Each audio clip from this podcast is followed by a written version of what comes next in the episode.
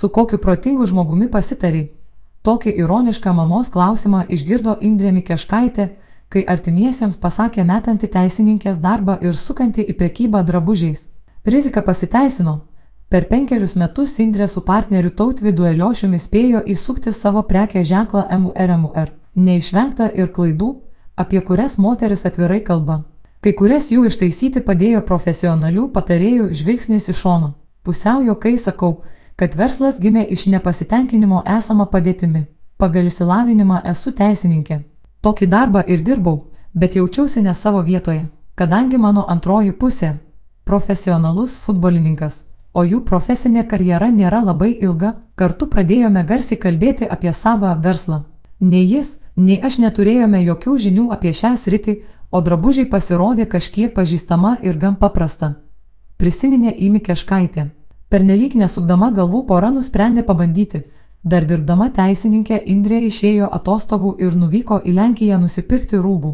Sutarė, jei ras kanalų, kaip drabužius parduoti ir matys potencialą, moteris paliks darbą. Pabandė, pavyko ir ratą susisuko. Po atostogų pasakiau, kad išeinu iš darbo. Manau, tokiu sprendimu daug ką nustebinau. Net ir tėvai apie mūsų planus nieko nežinojo. Portalui Elrytas LT kalbėjo verslininkė. MRMR pusmetį drabužius perparduodavo. Indrė džiaugiasi dirbanti savo ir užsidirbanti atlyginimą, o tuo pat metu dalyvavo darbo biržos projekte, kur kūrė, Indrė žodžiais tariant, pseudo verslo planą. Būtent čia specialistai jai kyštelėjo mintį rūbus neperpardavinėti, bet siūti, padarėme skaičiavimus, o mintis apie siuvimą taip ir užsiliko.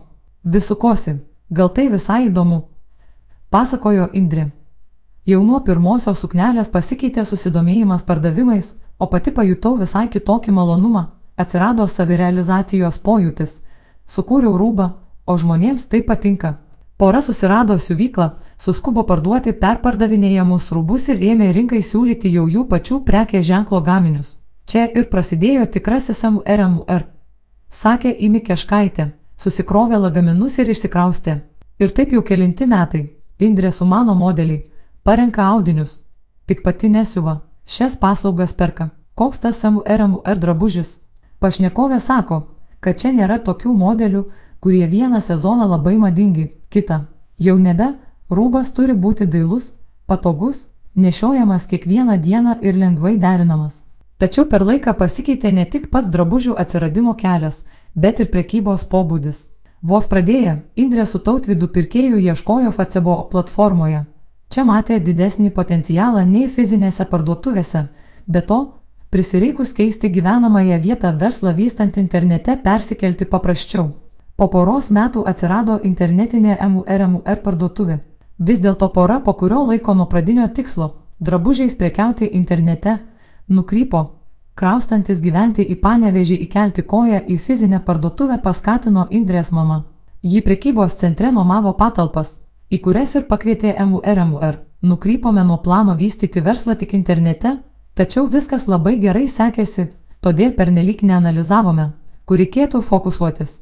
Prieš metus sugalvojau atidaryti dar vieną fizinę parduotuvę, šį kartą Šiauliuose, vis dėlto dabar abi fizinės parduotuvės uždarome. Pasakojo Indrė, tokių pokyčių link pastumėjo Svetbank akademijoje sutikta mentorė. Ir pati verslininkė anksčiau turėjo panašių minčių, tik nedrįso jų įgyvendinti. Darbas darėsi nebeefektyvus. Elektroninių užsakymų daugėjo, teko drabužius vežioti į sandėlio į prekybos centrą. Savo padarė ir karantinas, per kurį galėjo dirbti tik tos parduotuvės, kurios turi įėjimą iš lauko pusės. Ta kartindrė sandėliavimo patalpose panevežyje suringė mugę, į kurią klientę sukvietė per socialinius tinklus. Moteris neslėpė, to imdamasi visiškai neturėjo supratimo, ko tikėtis, gal apskritai niekas nepasirodys.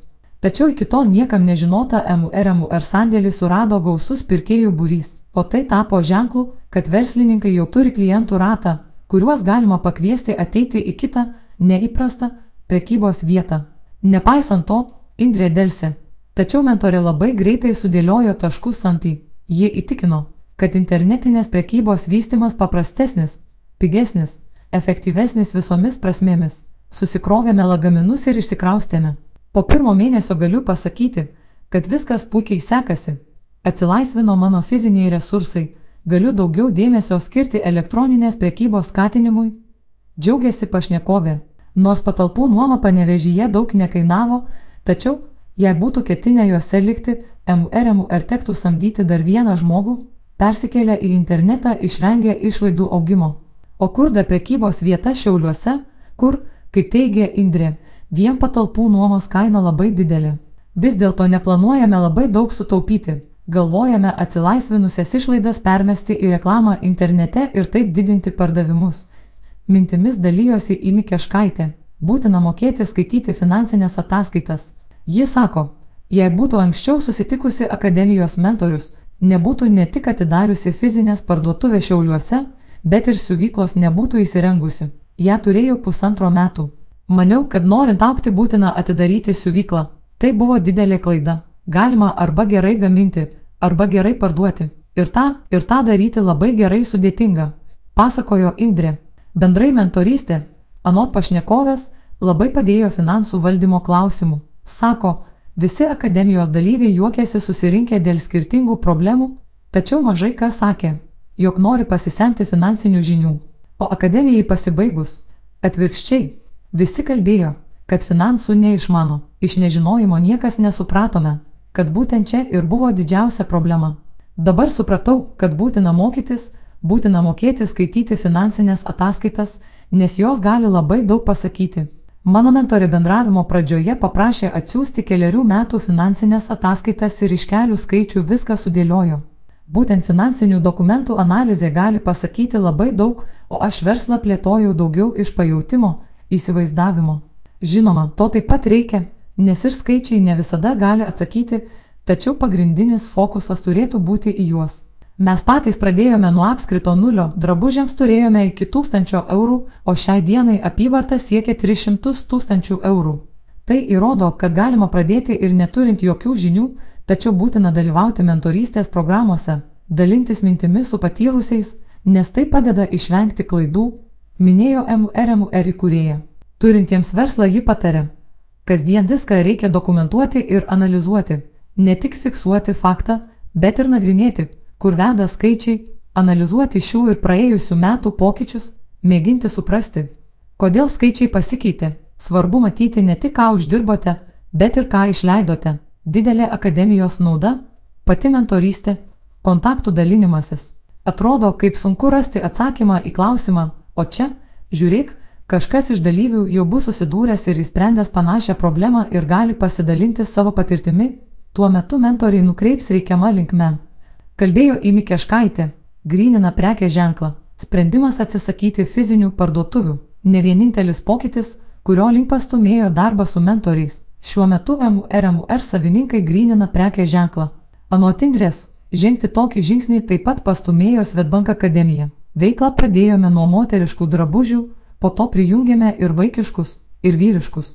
Šiuo metu aiškinamės, kokie būsime toliau, ar sakysime, kad esame tik lietuviškas prekės ženklas ar lietuviškas, bet turime ir atvežtinių gaminių, ar prisistatysime prekės ženklų visai šeimai, o gal tik moterims. Svarstė Imi Keškaitė.